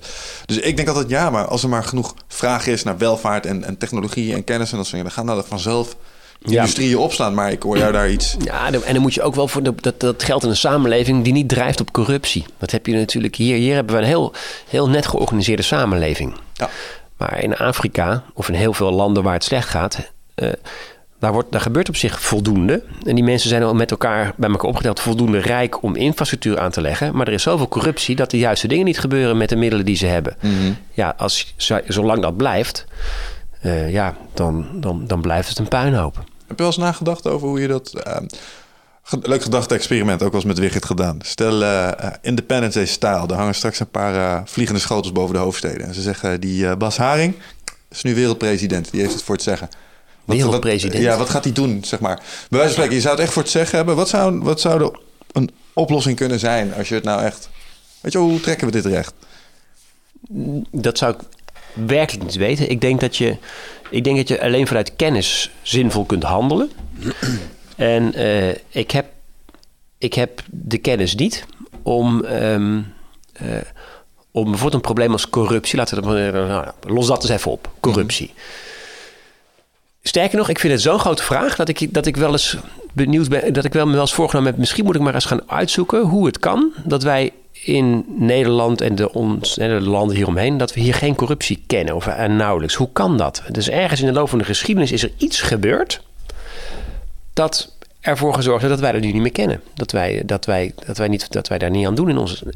Maar wat is er gebeurd dan? Weet je, want ik, ik denk dat het duizend jaar geleden dat het ook hier hartstikke corrupt was. Vast. Dat- Maar wat, wat, wat heeft ervoor gezorgd dat het niet corrupt Als je dat weet en die kennis hebt. Dan kan ik ook op de plek gaan zitten van, eh, van zo'n wereldheers die zegt... Van, nou, dan gaan we dat nu even kijken of we dat wereldwijd kunnen uitrollen. Maar ik weet het nu niet. Ik heb geen flauw benul Ik zag laatst wel een wat het geheim is achter... Ik denk wel welvaart steeds. Ik kom ik op Nee, economisch ik succes. van. Nee, ik geloof veel meer in een soort van, van moreel besef of Zou, zoiets. zou het het judeo-christelijke aspect kunnen In zijn? zoiets, zoiets bijvoorbeeld. Ik zag laatst een, eh, een film, die heette The Circle. Misschien ook in het vliegtuig gezien. Ging over een eh, eh, social media netwerk. Wat, op, heel erg innovatief is. En die op een gegeven moment zegt van... joh, weet je, het gaat allemaal over transparantie. Over delen en doen. Dus op een gegeven moment hebben ze dan overal eh, een, kn- een, eh, een camera... zo groot als een knikker op honderden plekken in de wereld. En dat doen ze gewoon. Dus de overheid kan er ook niet echt wat aan doen. Eh, en daardoor kan je gewoon in één keer in HD eh, kijken hoe dat, het, eh, hoe dat de golven zijn in Zandvoort om te surfen. En, eh, Ja. en op een gegeven moment begint er ook een, ehm, eh, beginnen ze het ook op mensen te doen. Dus eh, de eerste politici, die heeft voortaan een, eh, een camera om die Ja. altijd livestreamt. Ja. En die zegt van joh, het gaat erom dat, of eigenlijk is het idee, eh, de zogenaamde goedwillende eigenaren die zeggen alles moet transparant worden. Dus deze politici, die laat vanaf nu alles zien. 24 uur per dag. Als ze op de wc zitten, dan gaat het ding uit. Eh, maar eh, er komt nog een volgend dingetje bij. Dat ook al haar e-mails en alle dingen die ze stuurt... voor congressen, voor overheid en dat soort dingen... die zijn voortaan openbaar. Ja. En hun idee is dat als iedereen dat zou doen... als je gewoon nu... eh, ik kan nu inloggen bij Rutte in zijn mailbox kijken... en hij kan dat bij mij en ik kan dat bij jou... dan voorkomt dat dat jij slechte dingen gaat doen. Ja, dat geloof Mits je erop afgerekend wordt. Want dat is hè, alleen als je dan afgerekend wordt op, op, op, eh, eh, op corruptie, dan, eh, alleen dan werkt het. En maar dat het is de laatste weet publieke, ik. de publieke, daar ging het heel erg om. De publieke druk, dat je, be- dat je beseft dat je in de gaten wordt gehouden. Ja, hier maar- kan ik wel iets over vertellen, namelijk vanuit digitale dossiers. Ja, Daar doen ze ehm, eh, ook logging. Is daar een verplichting vanuit allerlei overheidsinstanties. en de, de filosofie is daar: logging heeft een zuiverende Ja. werking op handelen. Met andere woorden, als iemand weet dat eh, bijvoorbeeld wat je in digitale dossiers veel ziet, is snuffelgedrag bij mensen die je kent. Mag niet. En daar zijn duidelijke afspraken over gemaakt bij welke dossiers je wel en niet mag. Dus als jij oneigenlijk in een dossier zit te neuzen waar je Ja, niks dan te wordt het gelogd. Wordt Ja. gelogd, wordt geregistreerd en wordt gemeld. Ja. Ja, en toch wat ik heel curieus vind, als het over corruptie gaat en ook over deze discussie van transparantie, is dat verleden week eh, is heel erg eh, veel in de media gekomen dat Rutte heeft gepraat met een aantal Nederlandse bedrijven en die bij hem hebben aangekaart van joh, kan die dividendbelasting niet afgeschaft worden? En als gevolg daarvan, eh, van, als gevolg van die gesprekken, is dat voorstel in het, in het kabinetsakkoord gekomen. En dan wordt Rutte, Rutte daarmee geconfronteerd. Van, hé, hey, maar je hebt gewoon gesproken met Unilever en met Shell. Daar ken je mensen. Hij heeft bij Unilever gewerkt, volgens mij. Ehm, dat is toch niet in de haak? Je moet toch, daar moet je toch een beetje de helder over zijn. En dan houdt hij de bo- boot af en zegt hij van... nou ja, gods, eh, zo gaat dat. En mensen moeten mij vertrouwelijk kunnen spreken... zonder dat, mensen, zonder dat iedereen dat weet. En eh, dat moet u maar accepteren. En dat slikt men, vreemd genoeg. Ja, bizar? Dus men, hij is duidelijk niet transparant. Hij zegt niet waar hij met ze gesproken heeft. Hij zegt niet met wie hij gesproken heeft. Hij zegt niet waarover hij gesproken heeft. En men accepteert die niet-transparantie wel. Daarom zei ik net ook... pas op het moment dat we sancties gaan uitdelen... op het moment dat je echt niet transparant bent... dan pas gaat het werken. Ik geloof in die transparantie... maar ik geloof ook in sancties... op het moment dat je niet transparant bent. En vreemd genoeg accepteert men dit van Rutte. En zegt maar niet van ho ho, we vinden het prima wat je gedaan hebt... maar wel even met wie heb je gesproken, wat heb je beloofd... en wat waren zijn vragen. dat, dat zou ik toch volkomen logisch vinden. Ja. Ja, het is sowieso wel dat Nederlands, of tenminste dat de Rutte dan heel vaak met dit soort dingen ehm, wegkomt. Maar ik denk ook dat een hele, hele grote stem van het publiek, die heeft ook helemaal geen idee hoe dat ze dit zouden moeten aanpakken. Een Twitterberichtje sturen, weet je, dat is niet eh, hoe wat ze kunnen ze Ja. daarmee. Die denken alleen maar, zie je nou wel? Het wordt weer bevestigd dat er weer worden besodemieterd of... eh, Ja. Maar een paar hele boze artikelen in een krant of zoiets... had ik me toch wel kunnen voorstellen. Maar Ja. dat is eigenlijk... Maar zijn we te wel- Nederlands voor? Want volgens mij in Amerika ga je gewoon aan de schandpaal. Ja, inderdaad. Volgens mij, als jij als, als Hillary Clinton niet vanaf de eigen, of vanaf de eigen mailserver wat mails verstuurt, dan is dat meteen, dan moet ze de gevangenis in, eh vindt men. Ja, bizar. En daar is toch een veel hardere eh, mentaliteit als het gaat om transparantie. Ja. Hebben wij iets als een Alex Jones in Nederland? Wie is dat? Alex, Alex Jones? Jones is een... eh, Jij. Ja, ik ben Alex Jones. Jij bent de Alex Jones Gaat van Nederland. hij is echt een aluhoedje. Conspiracy Dat, eh, theories. Ja, dat is een meneer met best wel wat volging. Hij noemt zichzelf alt-media. Dus eh, buiten de mainstream media om. En hij rapporteert over al dit soort dingen. Hij slaat vaak volledig uit de bocht. En eh, het gaat alle kanten op. Van Illuminati tot eh, weet ik veel wat. Ehm, maar ehm, wel super scherp op alles wat er gebeurt. Inderdaad, wat je zegt. Als een Hillary eh, een bepaalde move maakt of er komt iets uit. dit zijn de jongens die duiken erop. Die schrijven er hele lange artikelen over eh, podcasts. Uren vol kletsen erover. Van, en daar wordt naar geluisterd in Amerika. En ik, ik heb niet, ja, geen stijl. Komt misschien een beetje in de buurt of zo. Als dat zijn de gasten die er zo af en toe tegenaan schoppen. Maar het is daar kun je ook iets een- vinden. Dat, ja. Ik weet niet of een ge- geen stijl... Ik vind wel wat een geen stijl toen destijds goed deed... was dat Rutger bij die eh, mevrouw Vogelaar... Minister, Ellen Vogelaar, kan je. die, eh, die weigerde op een gegeven moment gewoon om tegen hem Ja. te spreken. en dus hij vroeg gewoon eigenlijk best wel normale vragen daar, volgens mij. Als ik me kan herinneren hoor. Het kan ook zijn dat het... Maar in ieder geval... En het was natuurlijk ook provocerend. Dat Ja. insteekje hebben ze wel. Maar uiteindelijk... ehm, als er geen stijl bij een Rutte aankomt of bij een Pechtold... Joh, die lullen zich daar feilloos onderuit. Gaan er gewoon in mee, nemen het niet te serieus. En het is, gewoon, het is gewoon entertainment om naar te kijken. En deze mevrouw, die liet zich gewoon echt op de kast jagen. Ja. En Ja. mede door dat optreden is ze uiteindelijk wel afgetreden. Wat gewoon heel niet, eh, Wat ook natuurlijk jammer is. Hè? Ik bedoel, Dat is een vrij capabele vrouw vermoedelijk toch geweest. En doordat ze niet om kon gaan met de pers, heeft ze uiteindelijk heeft ze haar baan verloren. Dat is ook wel een beetje Ja. treurig, vind ik dat. Of Ja, dat nou zo. jouw taak is als media, weet ik ook niet hoor. toch ook die burgemeester van Am- die Cohen, die uh, Job Cohen heeft dat toch ook. Uh, oh, help mij eventjes. Is onlangs de burgemeester van Amsterdam is overleden. Van de Laan. Ja, en daarvoor had je Cohen, toch? Cohen, ja, ja. Cohen. En die is later toch in de uh, P van de A. Dat is een PvdA-man, ja. Ah, die werd toch ook afgedroogd iedere keer op debatten met Rutte en. Uh, Nou, met die, heeft, die, werd, die werd naar voren geschoven als de, als de grote stemmentrekker. En toen, heeft hij de, toen hebben ze de verkiezingen niet gewonnen. Maar Job Cohen was wel, was, had, had net zo'n status in Nederland als, uh, als Van der Laan. Uh, Ja, als burgemeester. Was echt, ja, was echt een hele degelijke, fijne... Ik ben terstond PvdA gaan stemmen hoor, toen Job Cohen uh, daar de voorman van werd. Ik vond dat een hele betrouwbare, fijne, rustige man. En dan vind ik het eigenlijk voor iemand pleiten dat hij niet zo goed met media om kan gaan. Maar dat is ook toch maar een kunstje. Hè? Als je gewoon rap gebekt bent, Mhm. je kunt snel een grapje maken, dan, uh, ja, dan, doe je het met, dan doe je het in de media goed. Maar het is ook een hele mooie eigenschap, vind ik, wanneer je daar een beetje mee stuntelt en wanneer je jezelf de tijd gunt om even na te denken. Um, ja. En ja, en dat, dat, kon, dat, kan, dat kunnen sommige uh, mensen als Cohen, die, die doen dat meer. Die, die denken even na. Vind, ja. Dat vind ik toch eigenlijk wel een mooie eigenschap. Denk je dat daar nog waardering voor is? Want ik hoor het jou, uh, uh, je ziet het, je neemt het waar, je waardeert het, zeg maar. Want technologie dwingt ons natuurlijk steeds in meer om in bite-size stukjes ja. informatie te communiceren. Denk je dat er meer Nederlanders zijn die dat, die dat hebben? Van ja, het is eigenlijk wel mooi dat iemand daar niet zo, uh, niet zo smooth in is. Of is het toch doorslaggevend uiteindelijk dat je het wel kan? Ik denk dat het alle twee al is. Ik denk dat er mensen zijn die dat, die dat waarderen en die daar oog voor hebben. Ehm, en ik denk ook, ik denk, maar ik denk dat het gros het fijn vindt als je toch wel, eh, als je toch wel gewoon kort, snel en bondig kunt formuleren. En er is natuurlijk ook wat voor te zeggen, dat je kort, snel en bondig formuleert. Dat vind, ik, dat vind ik ook wel belangrijk. Maar het tijd nemen, het twijfelen, die twijfel duidelijk uitspreken. Ja, ik denk dat dat, dat dat minder gewaardeerd wordt dan het vroeger zo was. Ik denk wel dat er nog steeds mensen zijn die, die dat wel heel mooi vinden en die dat wel, die dat wel op prijs zetten. Ik heb zelf me daar een keer wel onwijs aan ges, uh, gestoten. Ik was ooit ook weer bij de Wereldrijd Door was dat. En um, toen was die Matthijs van Nieuwkerk heel, uh, heel rap. Dat is überhaupt een heel rap pratende kerel. Mm -hmm. En um, die vroeg aan mij zo van... Nou ja, jij vindt filosofie zo relevant dan. Uh, kom eens met een vraagstuk in de samenleving... waar, waar je als filosoof iets zinvols over kan zeggen. En uh, gods, weet ik veel, daar moet ik even over nadenken. Ja. Dat, dat weet ik niet zo in één keer. Uh, nou, dat vond hij belachelijk.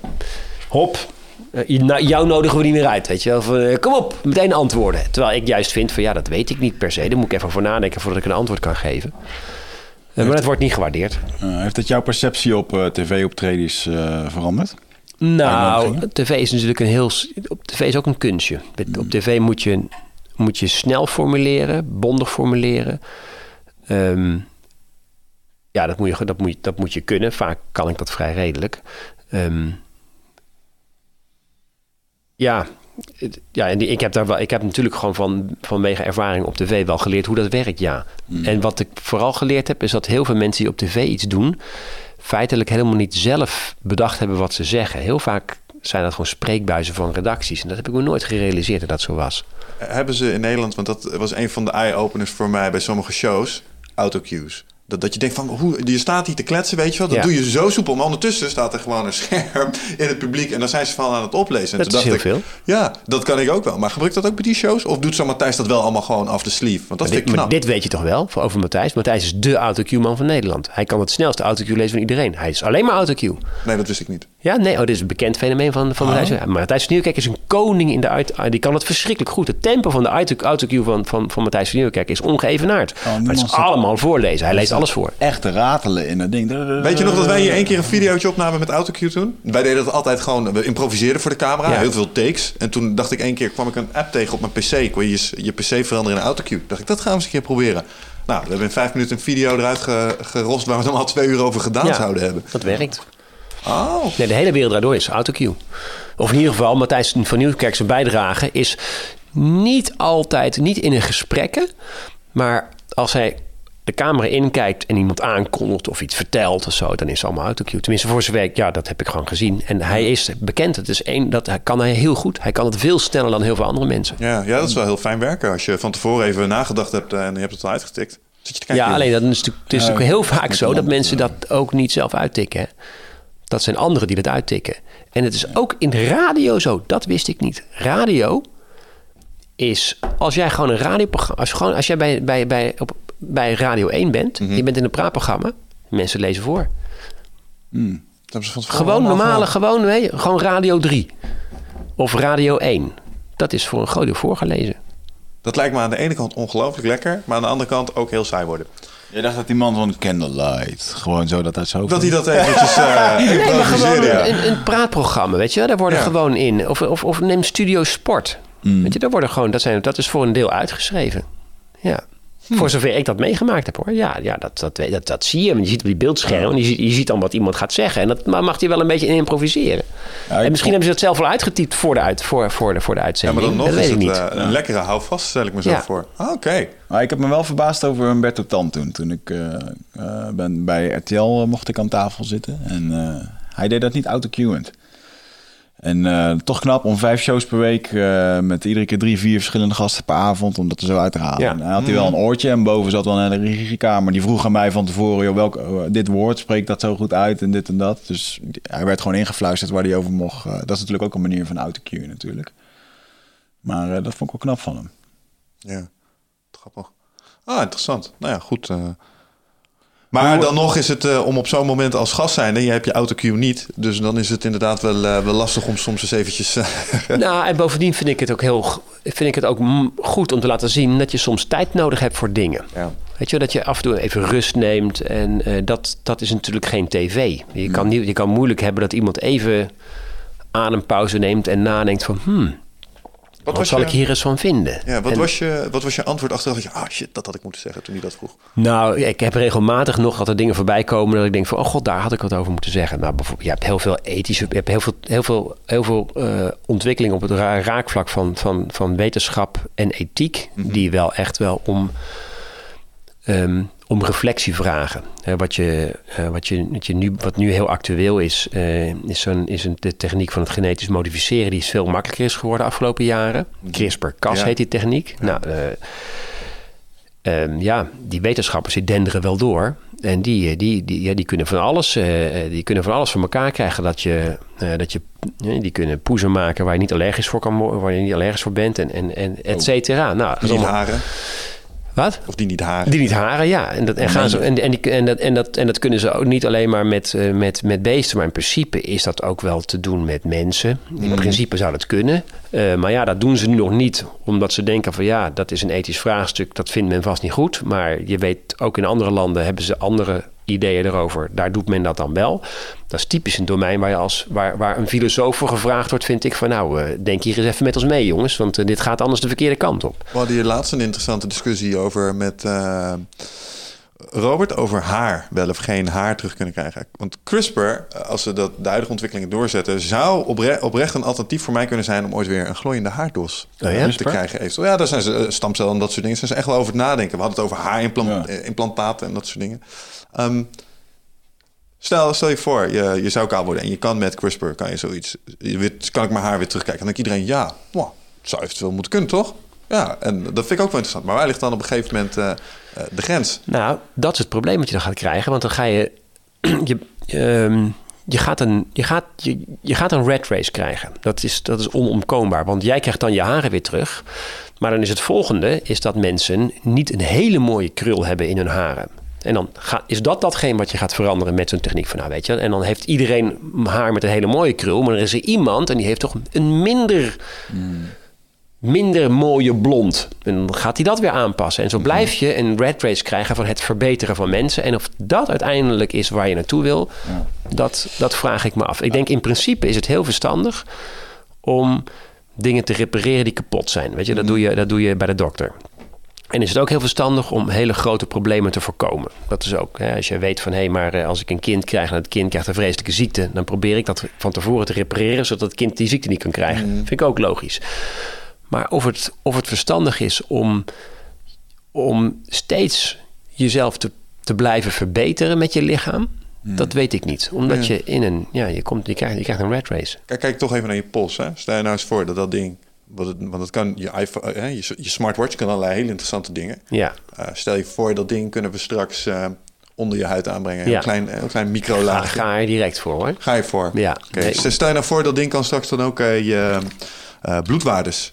kan het meten en manipuleren. Dus het ziet... eh, Manipuleren. ja, het cortisol is wat hoog. Daar gaan we wat aan doen. Ja, Dan ga je al- al een soort supermensen krijgen. Ja, ja, ja nee, maar hier, hier ga ik allemaal nog, nog, nog, nog steeds allemaal voor. Nee, ik, vind, ik ben een groot voorstander van het blenden van mensen met techniek. Dat vind ik heel spannend. Transhumanisme. Ja, nou ja, transhumanisme is een heel ideologie ook volgens mij. Dat je probeert de mens echt een beter wezen te maken. Ik wil het wat bescheidener. Ik vind het gewoon, ik vind het gewoon tof. Ja. Ik heb zelf ook, ik heb een chip in mijn arm. Oeh, wat doet hij? Ja, nou, als ik, eh, de, als ik in de Baja Beach Club eh, wil komen, eh, die failliet is, dan heb ik nog 1000 euro krediet voor, aan champagne in dat ding. Dat is, Dat meen je. ja, dat was ooit een geintje van de Baja Beach Club in Barcelona. Je hebt er een in, had je in Rotterdam en je had er ook eentje in Barcelona. En die gaf aan speciale gasten, gaven ze, die injecteerden ze een chip in de arm. En daar zat krediet op. En ik heb zo'n ding gekregen, niet omdat ik een gast was daar, maar omdat ik het een interessant onderwerp vond. En dat was nog wel een pijnlijk verhaal. Even een luchtig verhaaltje tussendoor. Dat mag toch? Natuurlijk. Ja? Criminelen, 1000 euro champagne, bij een club. Maar dit was, dit was eh, ik, ik dacht, ik had zo'n beeld van Star Trek. En Star Trek hebben ze ook, een, hebben ze, hebben ze ook imp- eh, chips implanteren ze. Hebben ze een, een of andere groot grijs pistool. Dat duwen ze op je arm. Doen ze pief. En dan, dan zit het in je. Klaar. Dat beeld had ik. Dat was niet zo. Die chip die is ongeveer 2, 3 millimeter breed. Dat is een glazen buisje. Daar zit die in. En dan hebben ze een holle naald. Nou, die is wel, nou, die is flink breed, want daar moet dat ding in kunnen. Oh, oh, en die, die duwen ze je arm in. Eerst werd je verdoofd. En die zuster die dat deed, werd gewoon een verpleegkundige deed dat, die kon dat ding niet goed erin krijgen. Dus die duwt met haar volle gewicht, duwt ze op die naald. En je ziet dat ding zo door je arm in. Nou, het is verschrikkelijk. Ik vond het verschrikkelijk. Echt met je handen. volle gewicht. Zo'n ding. Nou, dan- en dan, dan duwen ze die chip in. Ik had me helemaal klem gezopen van tevoren. En ik kan niet tegen dit soort dingen. Mm. Eh, maar met heel veel bier achter me kiezen lukte het me wel. Dan doe je dit soort dingen ook alleen maar volgens mij. Ja. Nou, het was van tevoren gepland allemaal. Het was allemaal, het was een soort van, eh, nee, ik was daar op uitnodiging en ik vond het, ja, ik vind het reuze grappig, maar dat ding zit er nog. Dus ik ben erg voor het mergen van mensen en techniek. Ja, Dat, eh, ik ken nu twee mensen met een chip in hun lichaam en ze zijn allebei waardeloos. Die chips, Ja. of die mensen. Ja, we hebben nog een biohacker, kennen we, Joost. En die heeft er een in zijn hand. eh, en daar kan hij zo'n eh, een slot mee openmaken, zeg maar. Van Ja. zijn deur, maar hij heeft het slot niet op zijn deur gekocht. Smart. Nee? Maar dit moet makkelijker kunnen, want, want, want maak nou een cameraatje in dat slot wat gewoon handherkenning doet. Dan heb je de hele chip niet meer nodig. I agree, man. Hey, ik ben wel binnenkort, binnenkort ga ik trouwens, eh, heb ik jou nog niet verteld. Universiteit in Maastricht ben ik eh, in principe aangenomen om mee te doen met een onderzoek waarbij ik eh, een placebo eh, psychedelica onderzoek mee ga doen. Dan Ik krijg je magic ja. mushrooms, psilocybin. Eh, en dan stop je ze onder een eh MRI-scanner. Hmm. Onwijs interessant. Nee, je krijgt, het, je krijgt de, de magic mushrooms echt. Of, of je zei net placebo. Dus ik- Of, of, of, of, oh, je, je weet oh, het je weet niet. het niet. Ja. En dan moet je testjes doen. En, eh, ik ben heel erg benieuwd. Dat vind ik ook een mooie ontwikkeling om te kijken wat dat in je brein doet. En eh, het is gaaf, eh, gaaf om te zien. Hoe, En moet je dan onderweg taken verrichten? Dus moet je, moet je, moet je sommetjes maken? Of, Ja. oh, doen ze, inderdaad de testjes bij. En je mag bijvoorbeeld niet auto rijden van tevoren voordat je erheen gaat. Dus je moet of met de trein komen. Dus je moet je brein echt even rust geven. en krijg je er goed voor betaald? Nee. Oh, Al gaat drugs. Dus ik geloof dat ik eh, in totaal eh, hon- 100, kunnen ze maximaal 130 euro vergoeden. Je moet er drie keer heen komen. Dus ik doe, dit, ik doe dit echt omdat Waarom ik... doe je dat? eh, nou, ik doe het sowieso niet voor het geld. Omdat ik er heilig van overtuigd ben dat eh, psychedelica... eh, eh, een, een, een grote vervanging van therapie kunnen zijn. Hmm. En ehm, zoals wij dat vandaag de dag kennen. Of in ieder geval een ontzettende doorbraak daarin kunnen geven. Dus eh, eh, eh, ja, ik ben daar wel echt een, een voorstander van dat dat meer onderzoek mag hebben. Technologie. grappig. Technologie Is eh, eh, van de planten, noem ik dat. Ja, kan, prima. Het is correct gezien. Dus ook, ja, het is technologie, ja. Vraag je wat eh, over technologie gesproken en de hersenen in dat opzicht. Eh, de Neural Link. Volg je dat een beetje? Nee, helemaal niet. Wat is het? Ik weet Het niet. is een eh, project van Elon Musk. En het is Ja, een eh, ah, computer-brain interface. En het, Ja. en het, want je had het over chips. Ja. En eh, als je kijkt naar Raymond Kurzweil, die lonkt dan met chips die je toegang geven tot Google.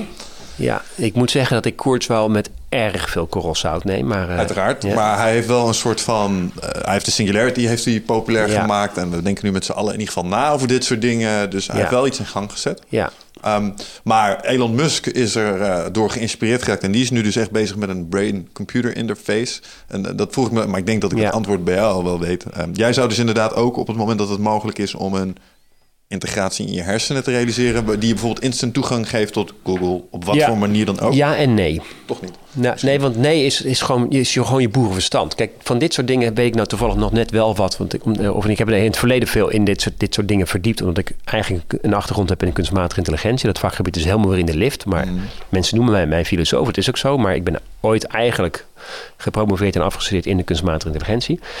En je moet over al dit soort prachtige toekomstbeelden even met je boerenverstand nadenken.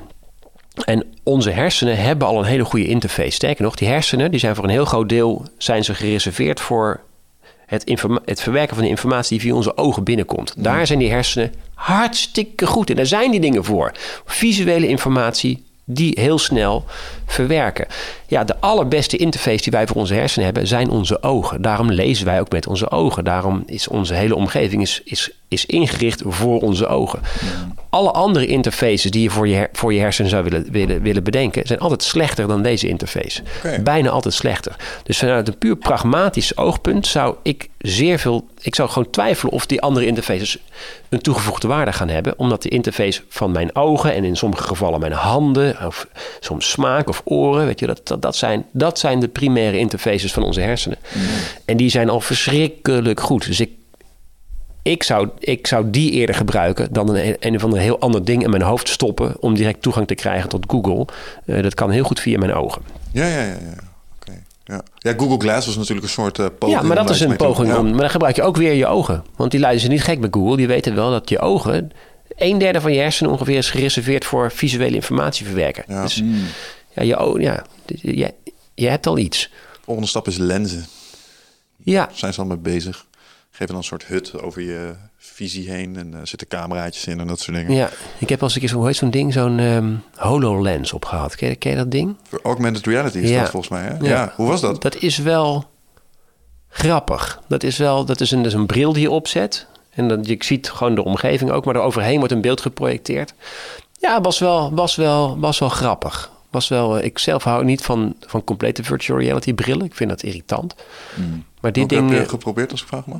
van de, van de, Van de VR-brillen, ja? ja, gewoon goeie. Ik weet niet hoe die dingen heten. Ja, want ik heb de eh, Oculus destijds geprobeerd. Dat gaf me echt hoofdpijn. Ja, maar dat is misselijk van. destijds. Maar je, dat, je hebt ook weer nieuwere ervan. Die Ik zijn zo'n HTC Vive thuis en dat geeft echt eh, leuke entertainment eh, ervaringen tegenwoordig. Eh, immersive ook, dat je soms het idee hebt dat je, Ja. dat je hersenen getrikt worden door iets van dat je wow. Dus het is wel cool, maar Ja. je kan het niet uren achter elkaar doen.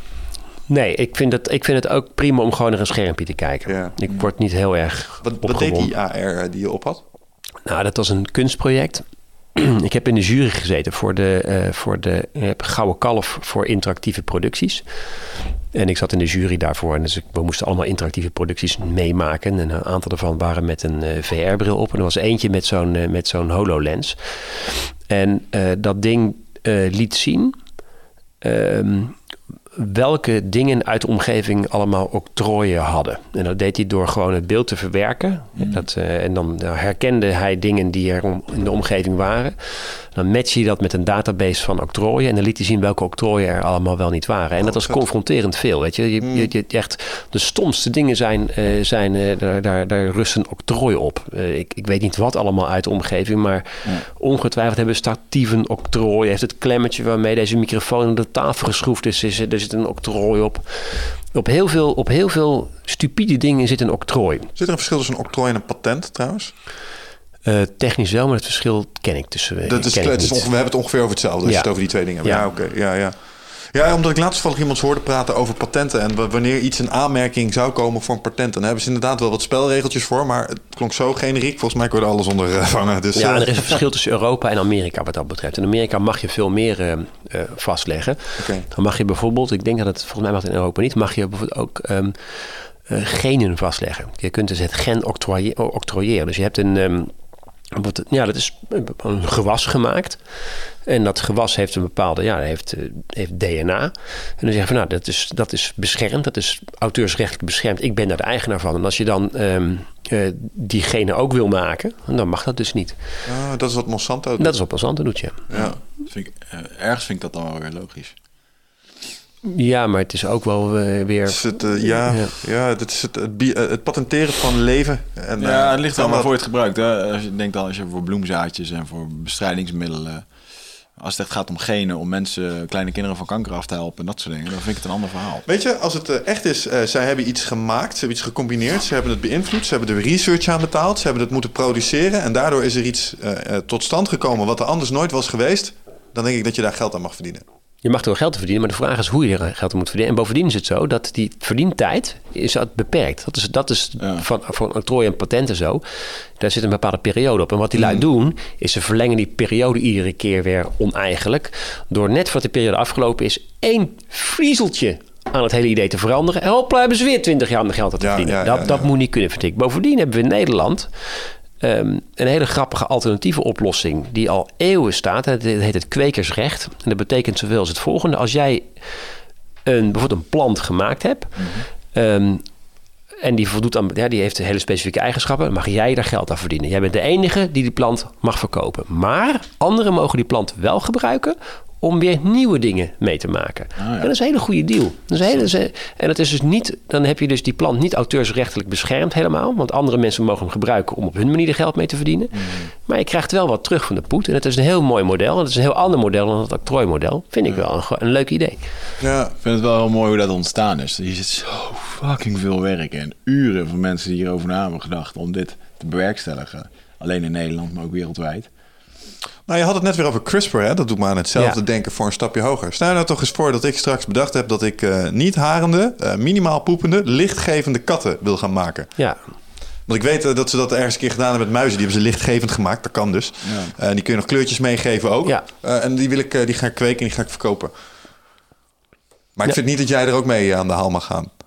Of je dat dan mag, eh, Nou, mag nou, nou, patenteren. jij ziet dat en je denkt, oh, dat is leuk, dat ga ik ook doen. En dan denk ik, ja, dat, Nou, dat kijk, heb ik bedacht. Kijk, er zijn twee dingen die hier spelen. Ding één is, eh, wat kan je vinden van zo'n muis aan zich? Of van zo'n, kat aan zich? En daar, dat, daar vind ik van, nou, dat vind ik prima. Weet je wel, mits die kat het oké vindt. Je moet, die kat moet wel een fijn leven hebben. Het moet geen pijn doen dat die licht geeft in het donker. Nee, dat moet, dat moet niet ellendig zijn voor die kat. Ehm, maar zolang dat eh, het geval is, of zolang, ja, zolang die kat prima leeft, vind ik het prima dat zo'n kat bestaat.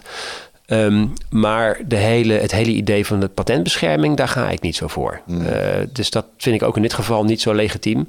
Ik vind eigenlijk patenten best wel een, eh, best een betwijfelbaar eh, idee eigenlijk. Sowieso een raar mechanisme. Ja, want het is niet helemaal niet. Het is, het is een vrij recente uitvinding. Hè? Het patent is een uitvinding, of een juridische uitvinding. ehm, eigenlijk om consumenten te beschermen. Ik weet niet of je de geschiedenis van patenten kent. Heel Nee. toevallig eh, ben ik die, heb ik daarover geleerd eh, een keertje, niet zo lang geleden. Stel je voor, je maakt een radio. En jij bent heel knap in het maken van radio's. Ehm, dan is het logisch dat andere mensen je radio gaan namaken. Er is geen enkele reden om. Weet je, dat, dat gaan mensen doen. Dat is, dat, is, dat is natuurlijk. Weet je, je gaat het gewoon namaken. Dat doen ze in China ook. Je gaat het gewoon namaken. Want als jij een goede radio maakt en ik maak hem na, dan heb ik ook een goede radio. Dat is volkomen logisch. Wat is het gevolg daarvan? Is dat de producent gaat die radio zo maken dat die heel moeilijk na te maken is. Door bijvoorbeeld er allemaal eh, draadjes in aan te brengen die niet functioneel zijn. Of door dat ding helemaal in plastic te gieten, zodat je, zodat je hem heel moeilijk kan openschroeven om te kijken hoe die in elkaar zit. En daar gaat heel veel tijd en energie in zitten, waardoor die radio heel duur wordt. Dus dan heeft men bedacht, weet je wat? Je mag als producent ehm, eh, eh, voorkomen we dit. Zeggen we van nou, je hoeft dat, je, je, mag. eh, ehm, je, hoeft dat niet te doen. Je hoeft ze niet meer in plastic te gieten, die radio's van jou. Wij, ehm, wij geven jou. je moet. Je, nou, ik moet goed uit mijn woorden komen. Je moet die radio zo bouwen. Je mag die radio zo bouwen dat iedereen die radio na kan maken. En dat is geen enkel probleem. Maar dan, eh, ehm, dan krijg je daar in ruil voor terug dat je een tijdje lang geld in die radio mag verdienen. En daarna mag iedereen hem namaken. En dat is voordelig, want dan wordt die radio blijft dan goedkoop. Want dan hoef je niet al die onzin, al die energie kwijt, te, ben je kwijt aan het, aan, het, aan het in plastic gieten van die radio. Dus eigenlijk bedoeld om die radio goedkoop te houden voor consumenten. Dat is het idee. En, het, en, de en wat erbij hoort, is dat hiervoor daarna, na een zekere periode, voor iedereen na te maken is. Dus eigenlijk is het idee van octrooi en patenten dat het juist nagemaakt kan worden door andere mensen. Dat is het hele idee. Alleen dat is helemaal verkracht in de loop van de tijd. En dat wordt helemaal niet meer, niet meer goed, goed gebruikt. En nu wordt, nu wordt de retoriek gebruikt dat mensen zeggen van ja, maar als wij het patentrecht verliezen, gaan wij geen interessante nieuwe radio's meer bedenken. Of gaan we geen nieuwe interessante technologieën meer bedenken. Maar daar is, de, daar is dat helemaal nooit voor bedoeld. Het is, patent is ervoor bedoeld om ervoor te zorgen dat er producten gemaakt worden die nagemaakt kunnen worden. Ja, dat is het hele ik- idee van patenten. Ik denk dat de technologische ontwikkeling ook bevorderd heeft. Omdat op het moment dat jij onderdelen die gepatenteerd zijn wel kunt inzetten om er samen, eh, eh, met, door te combineren bijvoorbeeld twee patenten samen Ja. combineren, kan iets met Iets heel meer waarde creëren. Ja. Ja. Weet je wat ik echt gigantisch goed, eh, dat weet ik nog toen ik marketing Ik ga zo weg, hè jongens. Want ik moet over een kwartier lang. Ik ga nu weg. Je gaat nu weg? Ja? Het is kwart voor twee. Laten we hem weggaan. Ik ben weg. De deur zit op slot. Nee, geen- ja, nee, dat gaat- nee, je hebt helemaal gelijk. Goed dat je de tijd in de Wat wilde hij doen eigenlijk? Wat wilde hij doen, Bas? Waar moet je heen? Je moet ik moet spreken. naar, eh, ja, er is een, eh, je hebt de, de, eh, de, de vereniging van de, uit van de mensen uit de creatieve industrie. Hmm. Die hebben vanmiddag een etentje en een, en een middagbijeenkomst in, ehm, eh, in het Adamgebouw, weet je wel, dat, eh, dat gave gebouw. eh. Leuk. en eh, daar moet ik wat vertellen over hoe ik aankijk tegen eh, de, eh, de toekomst van mensen in de creatieve industrie. Ah, gek. En ik ouwe hoer over van alles, dus ook vanmiddag hierover. Mooi. Waar kunnen mensen jou vinden online? www.basharing.com. Mooi. Dat, Dankjewel. daar kun je me vinden. Ja. Dankjewel dat je was. Ik vond het lachen. Ik hoop dat je ook nog een keer terug wil komen in onze Ja, nieuwe hoor. studio over twee jaar of zo. Ja. Ja. Mooi. Want, eh, ik vond het zo grappig. Ik wist helemaal niet echt waar we over gingen praten. Maar Nee. we hebben over van alles gepraat. Het was volgens mij niet helemaal een standaard eh, gesprek voor je, Ja, denk ik. precies. Tenminste, de criminaliteit en eh kickboksen, dat zijn niet standaard thema's nee, voor je, volgens mij. leuk. Nee, oh god, ik kom hier onvoorbereid en, eh, we, en we praten gewoon, toch? Dat is leuk. Dat is het idee. En ik heb geen agenda ook, hè? Ik hoef niet iets kwijt of zo. Lekker. Oké. Ik vond het een leuk gesprek. Dankjewel Oké. dat je er was. Jo, hoi. Ciao.